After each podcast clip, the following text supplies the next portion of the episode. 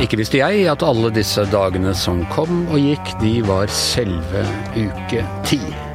Vi flyr av gårde mot svår her og, og vaksineredningen, Thomas? Ja, eh, sa du vaksineredningen i hermetegn, eller sa du den som en et, Ja, altså det, akkurat det går jo ikke så fort nå, men jeg har inntrykk av at det er en slags sånn, sånn propp i flaska, så skal det sprute ut med vaksiner utover vårparten, og så skal vi være redda innen sankthans, er det ikke noe sånt? da? Jo, og, og de skal vare i seks måneder, skal de ikke det? Ja, det er, det er det litt mørkere.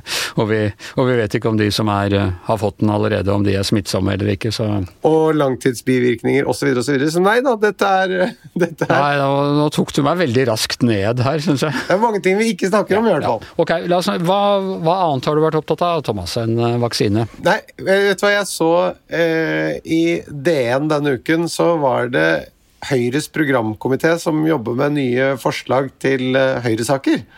Nå vurderer de å komme med forslag om at alle arbeidstakere skal kunne få seks måneder gründerpermisjon. Okay. Altså du skal få permisjon fra jobben din for å prøve å starte en oppstartsvirksomhet.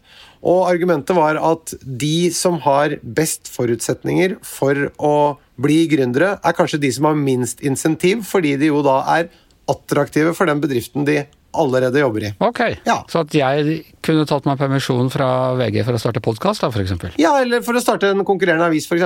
Ja. Og hvis du ikke klarer det, så kan du komme tilbake etter seks måneder og være i den samme lederstillingen i VG. Er det, er det betalt permisjon? Det er det- nei, det er det ikke. Da tror jeg jeg skal legge inn en søknad. Jeg synes jo det er, det er veldig flott at man vil ha flere gründere, men dette høres vel litt ut som en nachspiel-idé, gjør det ikke? Ja, det er jo eh, Ja, jeg vet ikke. Er det, er det noe annet land i verden hvor de, har, hvor de har en sånn ordning som vi kan eh, Ja, jeg lurer, på, jeg lurer på om Sverige har noe et eller annet eh, ordning for det, uten at det nødvendigvis eh, er et kvalitetstegn. Nei, jeg kjenner at jeg må, må tenke litt på den der. Men jeg vet jo altså min bedrift som er, kjører mye ny teknologi og, og, og tech-greier og sånne ting, jeg tror ikke de ville synes at det var noe særlig å gi folk eh, i de smarteste hodene på eh, i huset permisjon til å starte konkurrerende virksomhet. Nei, bare for å gi et innspill til politikerne fra oss som er ute i den hva skal vi si for noe, virkelige verden. Ville det vært greit hvis det var sånn for politikere også, at du, hvis du var eksempel da en, eh, en av topplederne i et politisk parti, at du kunne få seks måneders permisjon fra det partiet for å prøve å starte et, et nytt parti og konkurrerende parti, og hvis du ikke klarte det, så kan du komme tilbake i samme toppvervet. Ja, det er sånn, det er sånn de har holdt på litt i Kristelig Folkeparti, vet du, med dette her sentrum, som eh, noen fra Kristelig Folkeparti er ute og ser om det funker, og Ja. kanskje de vil kunne komme tilbake igjen hvis, eh, hvis det ikke går. Jeg, jeg syns jo det hørtes eh, altså helt ko-ko ut, hvis jeg skal være ærlig. Men eh, jeg spurte en venn av meg som var advokat om dette her, og som han sa Det vil reise ganske mange spørsmål. Ja. Altså, hvis man har, Alle som har sett en arbeidskontrakt, og som vet om lojalitetsplikt og sånne ting som er i arbeidslivet Jeg kan ikke helt skjønne hvordan dette skal eh, bakes inn, men eh, det blir spennende å følge med på. Nei, Jeg syns det var et godt forslag, men jeg syns at du skal få permisjon med lønn. Det er jeg enig i. På denne måten så må da næringslivet være med å finansiere nytt næringsliv. Et perpetuum mobil. Og konkurrenter til seg selv. Ja.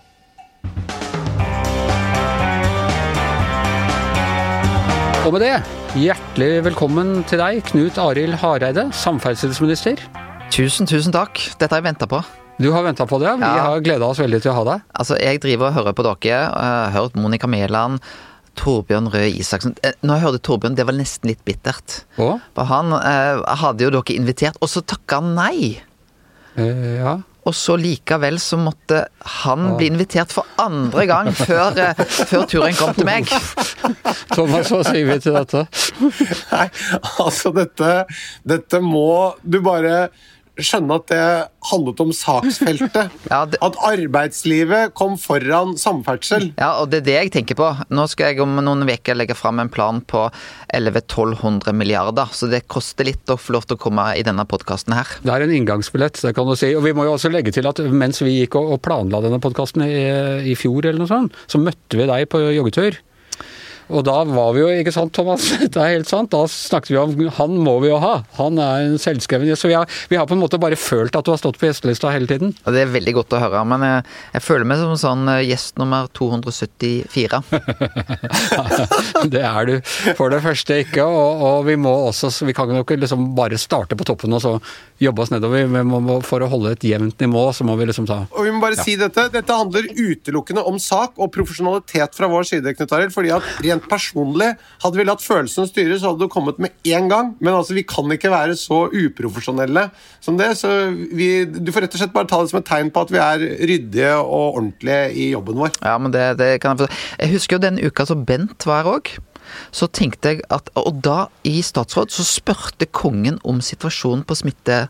Og da hadde jeg lyst til å ta en liten replikk og si du kan egentlig bare høre på Anders og Thomas sin podkast, så får du status eh, her. Ja. Men det, det, det passer ikke helt å si det i statsråd. Nei. Men apropos det, hvordan er statsrådene nå?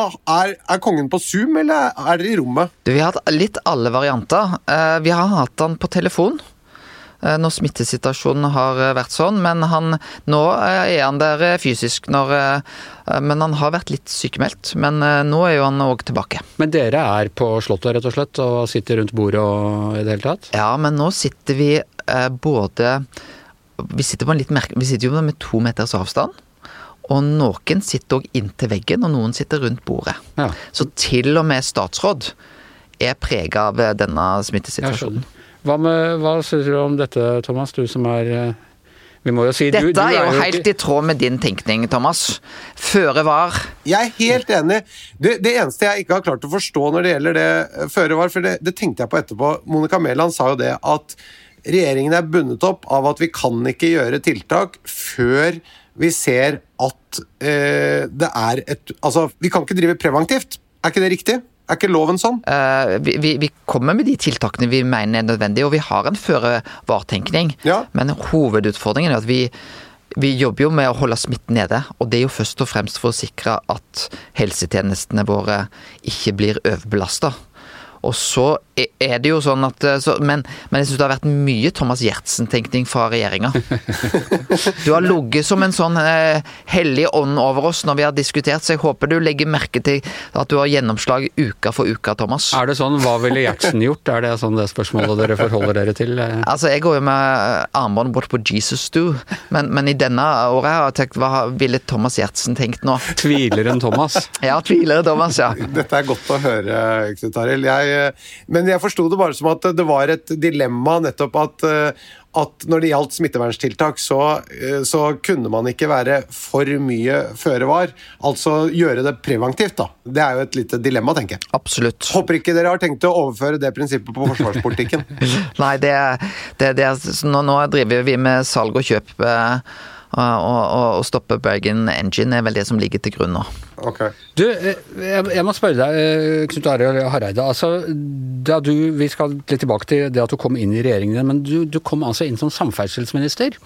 Og jeg var litt overrasket over det. Altså, du har bakgrunn fra, fra næringslivet. Du, faktisk, du har jobbet for Skipsted, som eier denne podkasten. Og, og VG og i det hele tatt. Og så har du jobbet i finans eh, som eh, statssekretær, og så har, har du vært i miljø, som er liksom Så jeg tenker et spenn mellom sånn eh, finanspolitikk og den litt mer fremtidsrettede, idealistiske greia. Men samferdsel, er, det noe du er interessert av for bestandig? Jeg har vært leder for transportkomiteen fire år på Stortinget, og dette betyr noe enormt mye for folks hverdag. Og det, så er det jo helt rett som du Anders jeg var jo miljøvernminister. Og det er litt forskjeller på de to jobbene. Fordi at eh, når du kommer som miljøvernminister til Innlandet, og når lokallagene i KrF spør ja, eh, jeg tenker jeg skal komme på besøk til dere som miljøvernminister, så sier de ja ja, men du har jo så mye å gjøre, du bør Eh, Det å få en miljøvernminister som skal snakke om ulv i Innlandet, er aldri kjempepopulært. Så det er litt sånn, da sier du kanskje har du så mye å gjøre i Oslo at du bør kanskje vente med, litt med dette besøket. Men når du kommer som samferdselsminister, da, da er det jo sånn de roper etter deg. Eh, og det er jo fordi dette betyr så utrolig mye for folks hverdag. Og jeg kommer jo fra et område, eh, fra Bømlo. Ei øy som besto av 10 000 mennesker da jeg flytta derfra, og nå vokser det 12 000-13 000. Og infrastrukturen Vi fikk jo fastlandsforbindelse. Og det har hatt enorm betydning. Siste ferja lørdag kveld fra Bømlo, eller til Bømlo, gikk klokka 19.30. Og sjøl for en KrF-er så er ikke festen over klokka 19.30 en lørdag. Eh, og, og det å forstå hva det har betydd for utvikling, og derfor så er jeg veldig engasjert i dette. Men jeg tror nok det er rett, sånn som du andre sier, at som KrF-leder så var det andre tema som på en måte litt hefta med meg, og kanskje òg hadde profilen. Men det er litt artig med KrF-ere, da, er jo veldig opptatt av verdisaker. Men samferdsel, det er en enorm interesse og i vårt parti. Det er, slags, det er jo et Frp-departement, egentlig. Det er jo de ja, det er vel så Frp, Senterpartiene, så ja. Høyre som, som, som, som har nettopp hatt det, Arbeiderpartiet. Eh, men det er et felt som jeg tror interesserer alle. Og inn i den tida vi nå har med klimautfordringen, så er det absolutt relevant for KrF, som er opptatt av nettopp å gjøre noe med den utfordringen. Så det eh, Sånn sett så er det men, men, jeg forstår litt kanskje at det var en overraskelse, men jeg har jo altså jobba mye med dette sjøl. Men hva, hva tror du om samferdselen etter korona? Altså, tror du koronaen vil påvirke flytrafikken, f.eks.? Ja, det tror jeg. Jeg tror at uh, vi kommer til å ha en litt sånn varig endring. Uh, jeg tror at uh, antall arbeidsreiser på fly, tror jeg vi kommer til å se sånn, et skift ned. Så har jo dette vokst og vokst hele veien. Så jeg tror på en måte det er litt sånn at kurva kommer til å gå ned, og så vokser den opp igjen. Men jeg tror likevel at vi ser en varig endring på dette. Jeg tror òg at ja, f.eks. det med heimekontor. Andelen som har sagt at de kommer til å ha heimekontor én eller to dager i veka har jo økt kjempemye fra før pandemien og etter pandemien.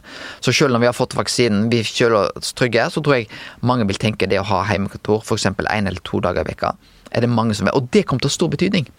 Fordi at hvis du reduserer trafikken med 5% i rushtida, så gir det veldig store utslag.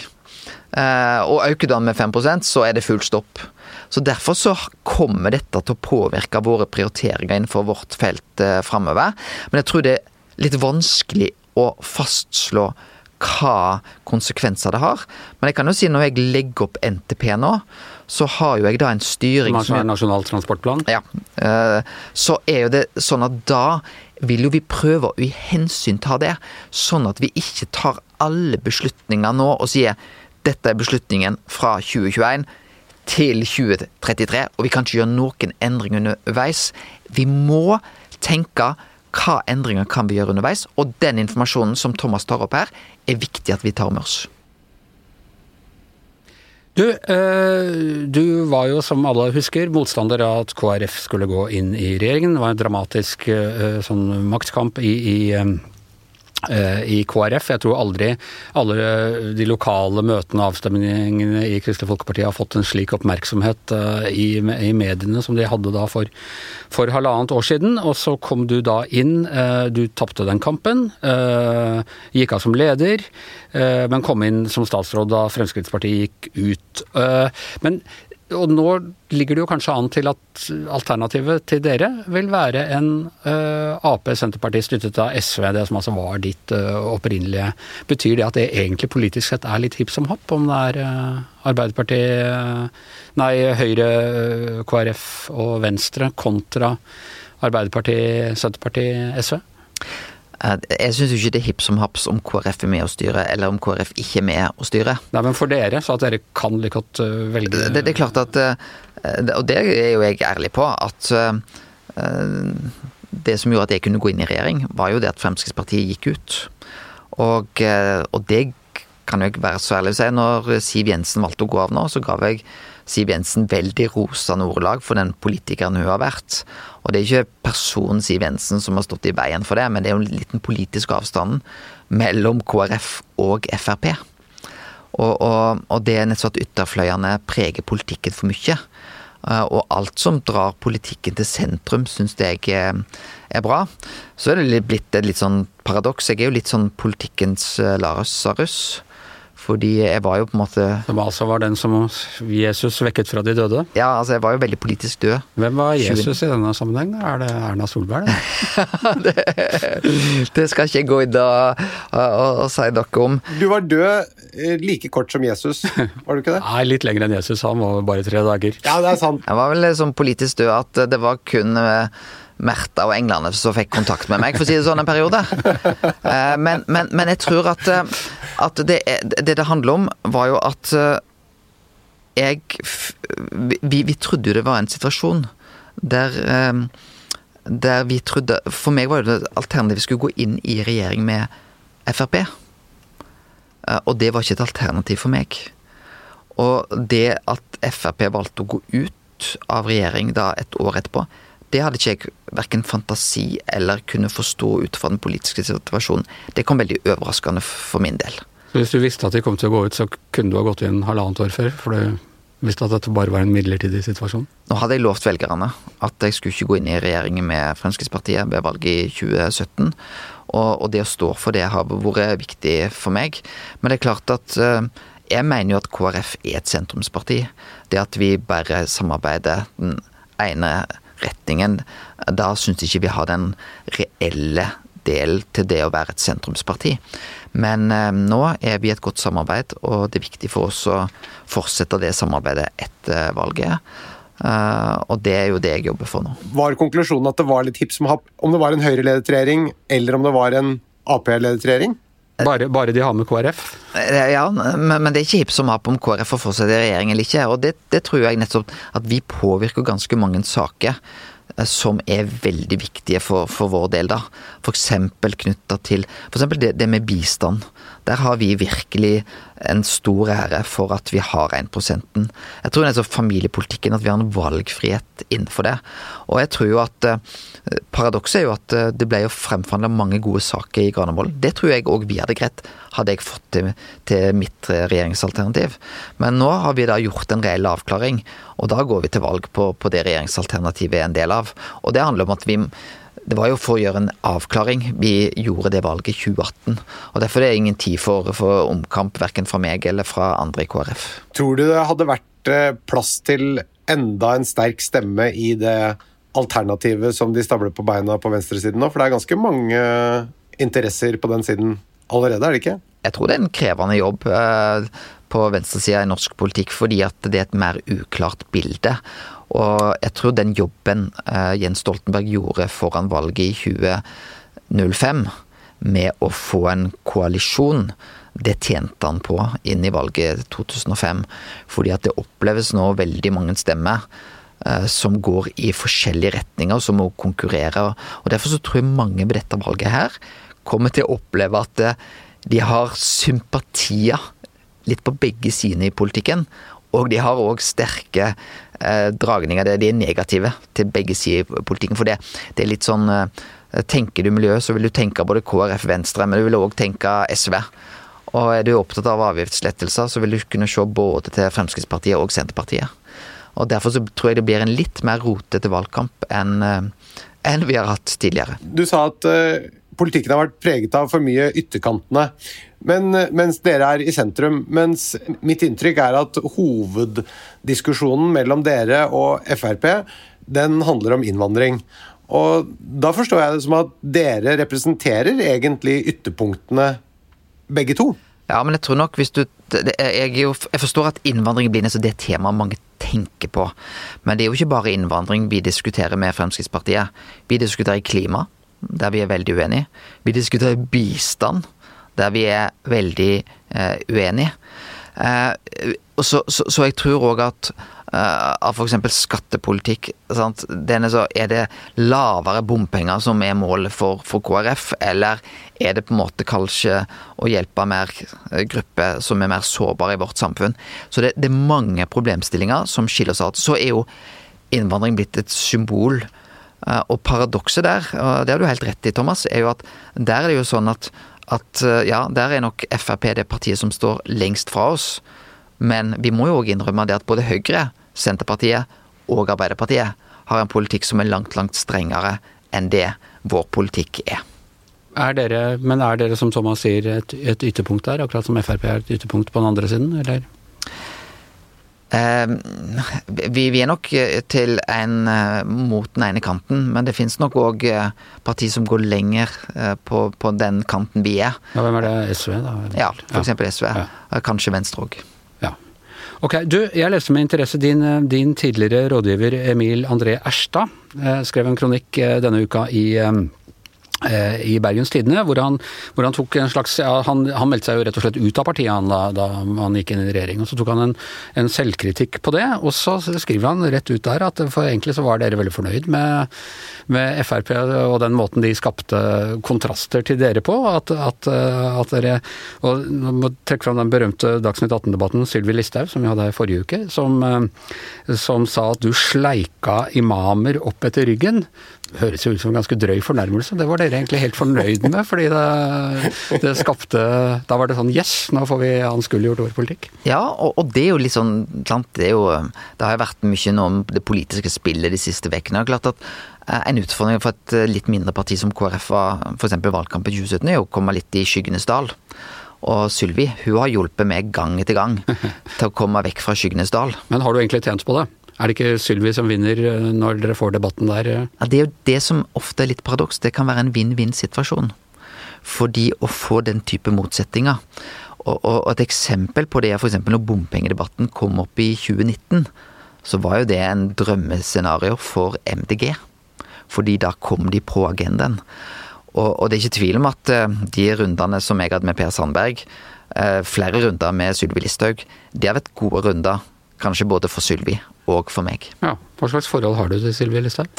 Jeg snakker veldig greit med, med Sylvi Listhaug, men jeg syns det er veldig greit at vi ikke sitter i regjering sammen. Ble du fornærma da hun sa det med å sleike imamer, eller var det sånn yes, som, som Erstad antyder? Jeg får si sånn, jeg tok ikke til tårene. Eh, og det, det, det, det, fikk jo fram noe, og jeg syns jo på en måte at, at hun dro det så langt at òg sympatien kom jo med meg. Ja. Og det var litt det samme Per Sandberg gjorde òg. Eh, du kan si mye om Knut Arild, men at han er med å bidra så mye til terroraksjoner, det tror ikke det norske folk tenker helt. det er noe veldig sånn Det, det, det uttrykket 'å sleike imamer' offentlig er ganske sånn saftig språkbruk. Det gir noen indre bilder. Ja, og det eh, Jeg tror heller ikke det er et uttrykk som folk tenker veldig forbinder med Knut Arild. Men er du da eh, Altså, du hyllet jo Siv Jensen, la jeg merke til, ganske godt da, da, hun ble klart at hun skulle trekke seg. Du er, men, men det, det, går på at jeg syns ja, ja. Siv har vært en veldig fair politiker. Ja. Jeg syns på en måte at ja, hun har jo visst at jeg ikke vil sitte i regjering med henne. Jeg opplever ikke at det har vært noe sånn som hun har gjort til noe personlig. Og hun har tatt meg som det suste i enkelte debatter, og jeg har tatt tilbake av og til. Men, men det jeg visste, var at hvis jeg inngikk en avtale med Siv, så sto hun for det. Og jeg opplever òg at hun har eh, Og i den rollen hun gjorde som finansminister, syns jeg hun imponerte meg og gjorde en god jobb og skapte en tillit langt ute ved Fremskrittspartiet. Um, Men da er hun moderat, og da får dere ikke noe særlig friksjon og sånne ting. Så er du fornøyd med at, uh, at det er Listhaug som nå overtar uh, Ser ut til, får vi si å eh, overta Fremskrittspartiet, sånn at eh, dere får en sterkere kontrast? Ja, Nå har jeg gått av som partileder, så jeg får jo ikke gleden av den kontrasten helt da. Men, eh, og nå var jo Sylvi veldig opptatt her forrige uke at hun var ikke valgt ennå. Men jeg la jo merke til at hun var villig til å innrømme at hun var en av favorittene. Mm, du, du, sa at hvis du hadde gjort avtale med Siv, så har hun holdt de. Hva slags avtaler har det vært? da? For, for eksempel budsjettavtaler. Så vi har, har, vi inngått en del saker rundt det. Og så er det også sånn at vi eh, vi, vi, har jo, vi samarbeider jo med den regjeringa som Siv satt i. Eh, og det gikk jo Og da satt jo vi i Stortinget, og da tror jeg nettopp den dialogen og kontakten der eh, Og, det er noe med, med, med mange forskjellige saker nå kommer jeg ikke på en, sånn sak, men, det, den er så både hvordan en da opptrer i den politiske debatten. Så har jeg kanskje gitt henne informasjon som hun da ikke bruker mot meg, fordi hun har visst at, at det har vært informasjon som jeg har gitt uh, under hånden til henne. Hva tenker du er de viktigste tingene dere kan gjøre, og særlig nå? altså Fremskrittspartiet vil jo være en slags garantist for en, en borgerlig regjering, så hvordan skal du markere, eller ikke du, men dere, markere Kristelig Folkeparti så at det kommer over sperregrensen? Jeg tror jo at for det første så går vi litt annerledes inn i dette valget enn vi gjorde ved det forrige valget. Da hadde vi en sånn fallende kurve, og vi forsto vel egentlig ikke hvor nær vi var sperregrensa i 2017, som vi, som vi egentlig var. Vi forsto det ikke før valgnatta. En nær sperregrenseopplevelse? Ja, det, det kan vi si. Eh, så, så, så, jeg tror nok det ligger en mobilisering i det. For jeg tror veldig mange vil forstå at det politiske landskapet med eller uten KrF er veldig forskjellig. Og så vil noen si ja, men, men KrF har ikke folket med seg i en del spørsmål. Men vi løfter òg en del politiske problemstillinger som jeg tror veldig mange er glad for at vi nettopp løfter. Og jeg tror jo det perspektivet som, som handler om både fattigdomsbekjempelse i vårt eget land og internasjonalt, og i en pandemi der vi virkelig ser at verden den er liten, vi påvirkes internasjonalt, da tror jeg nettopp det perspektivet som er der. Og jeg tror jo òg at eh, den type verdier som KrF har. Vi har løfta noen kalde historiske, eh, kulturelle verdier til vår kristne verdigrunnlag i landet vårt. Og det tror jeg folk er opptatt av. At vi skal ikke bare kaste det bort, men vi skal løfte det fram. Eh, men selvfølgelig med respekt for at ikke alle eh, står for den type verdier, men hva tradisjon og historie vi har, det tror jeg er en verdi som mange forstår og som det er viktig for oss å minne på før det kan være for sent. Alt det du sier nå, det er det som skal redde Kristelig Folkeparti over sperregrensen?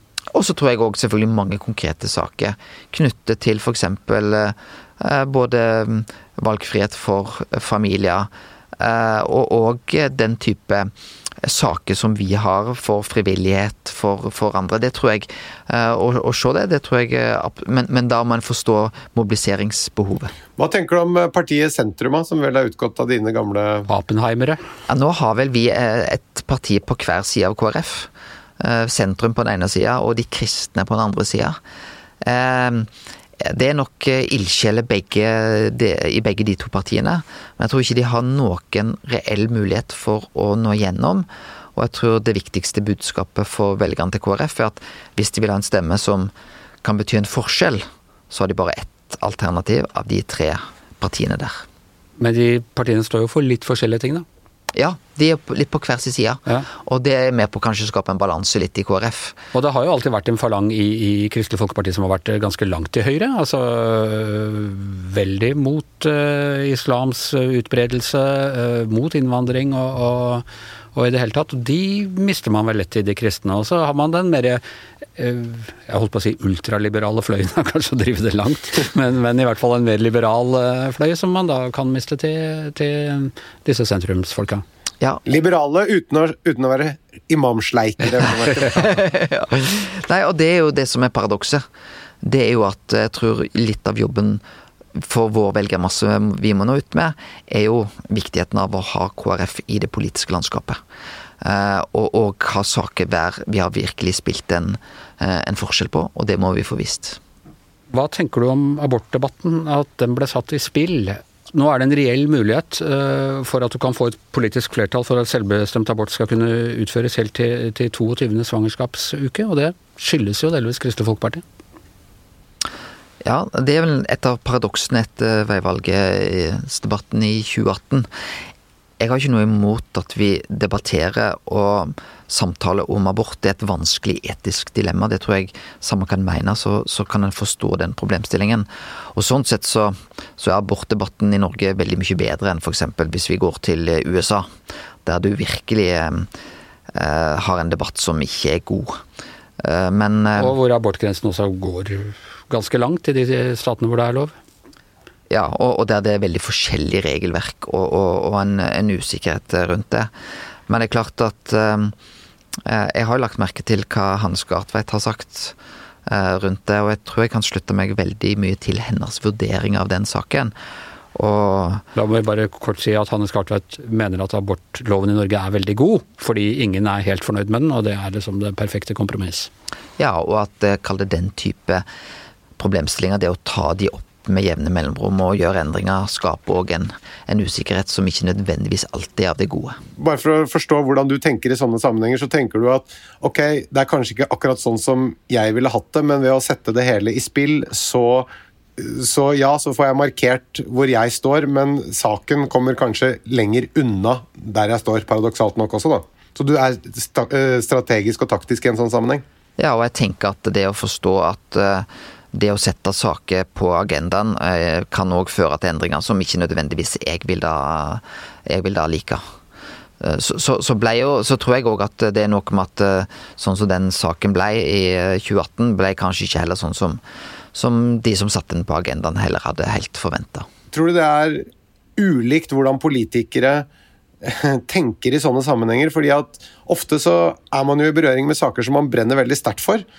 På den ene siden, og på den andre siden så må man da liksom kanskje holde hodet litt kaldt og skjønne at du, hvis jeg lar følelsene mine styre her nå, så får jeg sagt uh, hvor jeg står, og jeg får blåst ut alt jeg føler og tenker, og det er selvfølgelig kjempedeilig, men, men saken uh, kan ende lenger unna der jeg ville. Ja, og, og noe av det jeg lærte, var jo at politikere før meg, da, som Kjell Magne Bondevik, Valgerd Svarstad Haugland og Dagfinn Høybråten, hadde jo vurdert f.eks. denne 2C-endringen da de satt i regjering forrige gang, men landa på at de ikke løfta den saken.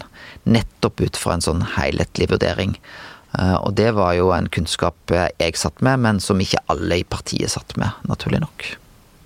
Du, eh, Som ansvarlig for Nasjonal transportplan, så putter jo du mye penger inn i økonomien. Vi kan ikke, vi kan ikke si noe annet. Det er det som, eh, noe av det som ved siden av helsevesenet virkelig koster penger her. Men vi spør alle våre gjester om de på eh, private sammenheng har kjøpt noe i løpet av siste uka, utover tannpasta og matvarer, som bidrar til å holde hjulene i gang. Ja, dette var et spørsmål jeg visste ville komme. Ja. Uh, så, så, jeg, så, jeg, har nesten, eh, etter jeg fikk invitasjonen, så har jeg tenkt at jeg må gjøre et godt uh, kjøp. Så, så, dette Og jeg har gode nyheter til ja. dattera mi på sju år. Uh, jeg har kjøpt nye både klassisk ski og skøyteski. Oi! Uh, felleski. Jeg liker veldig godt felleski. Det gjør jeg også. Jeg også så, slippe å smøre. Akkurat. Og passe Og de sitter godt og, ja, og god glid. Ja, ja. Um, og nå er Så dette er jo et tips. Nå er gode tider å kjøpe ski på. Det er gode salg.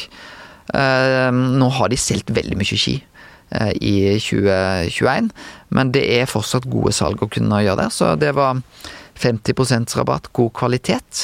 Men du har litt ambisjoner på hennes vegne hvis du gir henne skøyteski uh, som 20-åring og i det hele tatt? Så er det skal du piske henne fram til, til, en ny Therese Johaug, eller noe sånt? Eh, nei, jeg er vestlending, og jeg har skiteknikk som en vestlending. Til Bømlo der var det tre-fire timer til snø, eh, men jeg syns det er veldig kjekt å gå. Og jeg kan si nå på søndag så var jeg og Sara, vi gikk på skitur. Og da går vi og snakker sammen. Uh, og det er veldig kjekt. Men skøyter du selv, eller? Ja, ja, ja. Du gjør det? ja. Nei, og akkurat nå er det veldig kjekt å skøyte, for nå er det forhold som gjør at det går veldig fort. I begynnelsen av sesongen, sånn i november-desember, så er skøyteforholdene sånn at du føler det går veldig tungt. Men nett som når dette, dette påskeføret kommer, så går det veldig fort. Så jeg tror jeg tror faktisk jeg tok litt over 30 km på 1 12 time Eh, på Nordseter eh, i vinterferien. Oi, oi. Men er du sånn som kan veksle sånn raskt mellom padling og enkeltdans og dobbeldans? Og... Um, altså, har du god teknikk? Uh, jeg tar både enkeltdans og dobbeldans, og det er fint å veksle. sånn at ikke, For hvis du bare padler, så blir, blir, du litt lei. Så det er viktig å kunne håndtere de to. Men jeg, jeg tror ikke jeg ser sånn vanvittig bra ut. Uh, der um, Jeg tror det er andre grunner at folk ser på meg, enn at de skal lære skiteknikken. Det er nok for å for eventuelt prøve å stoppe meg og diskutere et veiprosjekt. Thomas, hva har du kjøpt? Du, vet du hva? Jeg vil helst ikke tenke for mye på hva jeg skal ha på meg hver dag, så jeg prøver å ha likest mulig klær. Eh, og det er en sort bukse og en sort genser, og så bytter ja. jeg bare skjorta inni, på en måte, ideelt sett, da. Hvis jeg kunne, da, så ville jeg helst kjøpt både genser og bukser på rull. Altså bare kunne revet av en ny en. Men nå har jeg da sett at nå har da liksom den forrige buksebatchen begynt å bli utslitt, så nå har jeg rett og slett bestilt meg da nye sorte bukser på nettet. Hvor mange? En rull, eller? Nei, jeg, jeg, tok tre nå. Ja. Og så Du, vet du hva, Det har jeg hørt at Einstein kjørte samme greia. Han ville ikke bruke, han mente geniet kunne ikke bruke tid på å finne ut hva han skulle ha på seg, så han hadde ti like dresser, eller sju eller noe sånt, så bare liksom skifta han fra dag til dag. Og, ja. Ikke sant? Så, og så er jeg da litt mindre intelligent enn Einstein eh, og har litt færre antrekk.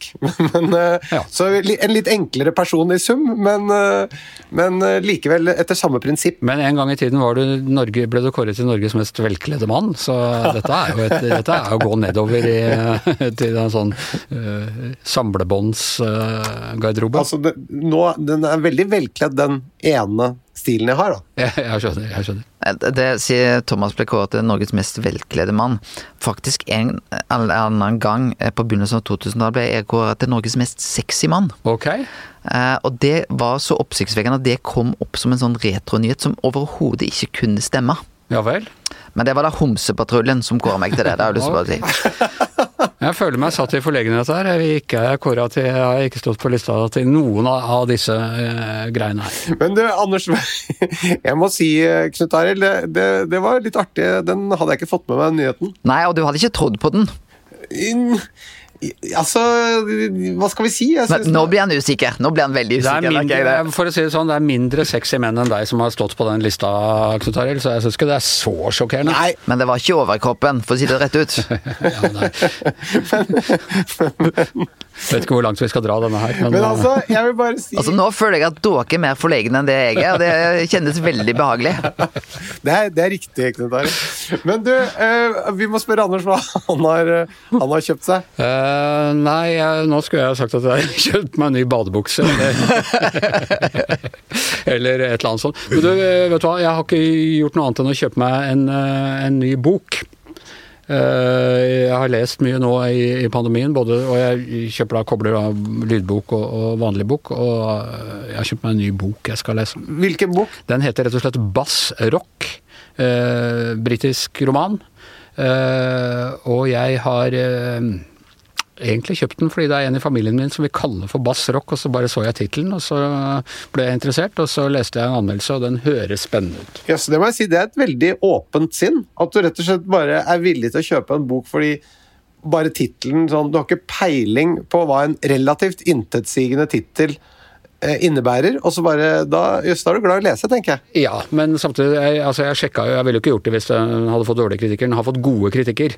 Jo, jo. Uh, så det er, det er noe av Det bidro, da. Men jeg må si hvis det kommer en ny roman som heter Knut Arild eller Thomas, eller noe sånt, så tar jeg ikke og leser den bare fordi jeg kjenner noen som heter det. Jeg sjekker anmeldelsen først. Ok. Nei, men du, jeg For å si det sånn, det skal mer til for å få meg til å lese bok.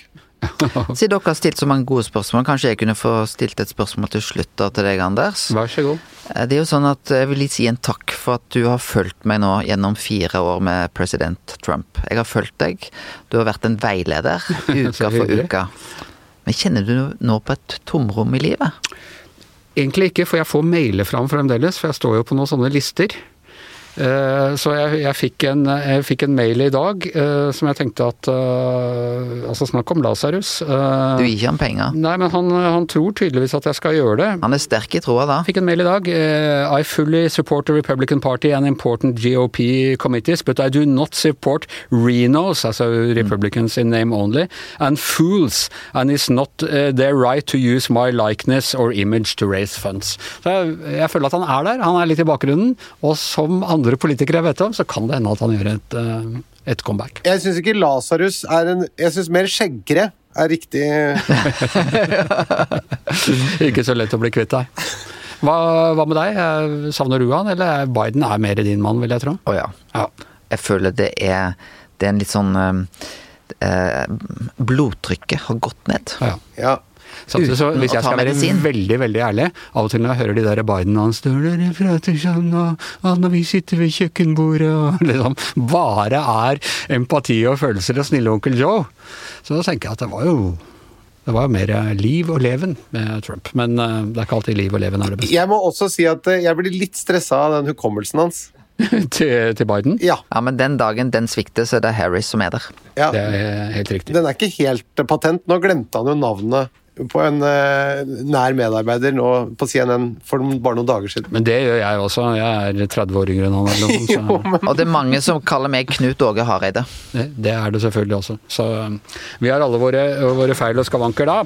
Eh, og med den innrømmelsen så tror jeg vi erklærer Giæver Gjertsen over for um, for denne gang i, uh, verts, eller i hjemmestudio, Thomas Gjertsen. I studio her i VG, Knut Arild Hareide, nå holdt jeg på å si Knut Åge. Uh, og Anders Giæver. Og mannen som gjenoppstår hver eneste uke for å produsere sendingen, heter Magne Antonsen.